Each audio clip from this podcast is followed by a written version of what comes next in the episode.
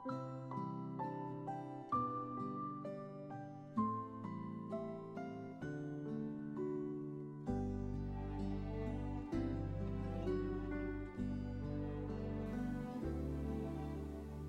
pertama kalinya, aku berharap isi kaleng kongkuan yang ada di atas meja adalah rengginang.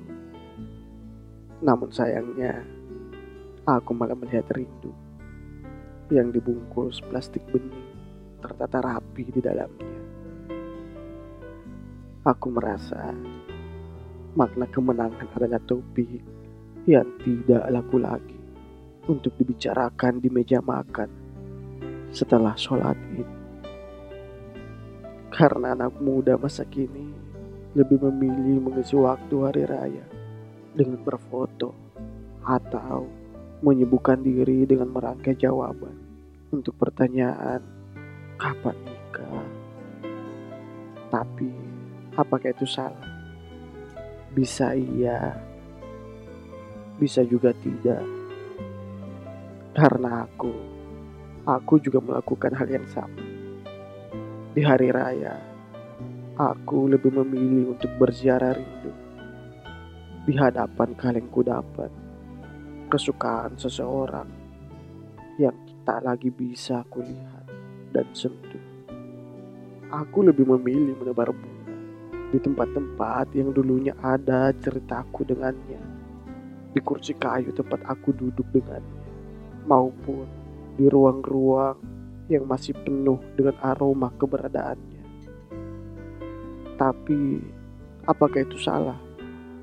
Bisa iya, bisa juga tidak. Jika orang lain diperbolehkan untuk memamerkan foto lebaran bersama orang-orang terkasih utuhnya masing-masing, izinkan aku juga untuk memamerkan sesuatu yang bisa aku banggakan, walau hanya sekedar rindu.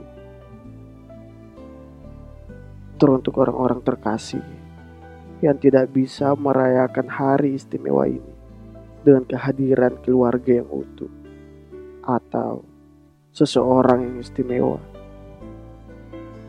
Tetaplah bahagia. Setidaknya masih ada rindu yang bisa memeluk kalian dengan erat dan hangat. Selamat Hari Raya Idul Fitri. Selamat memenangkan apa pun yang bisa kalian menangkan dengan jujur. Mohon maaf lahir dan batin.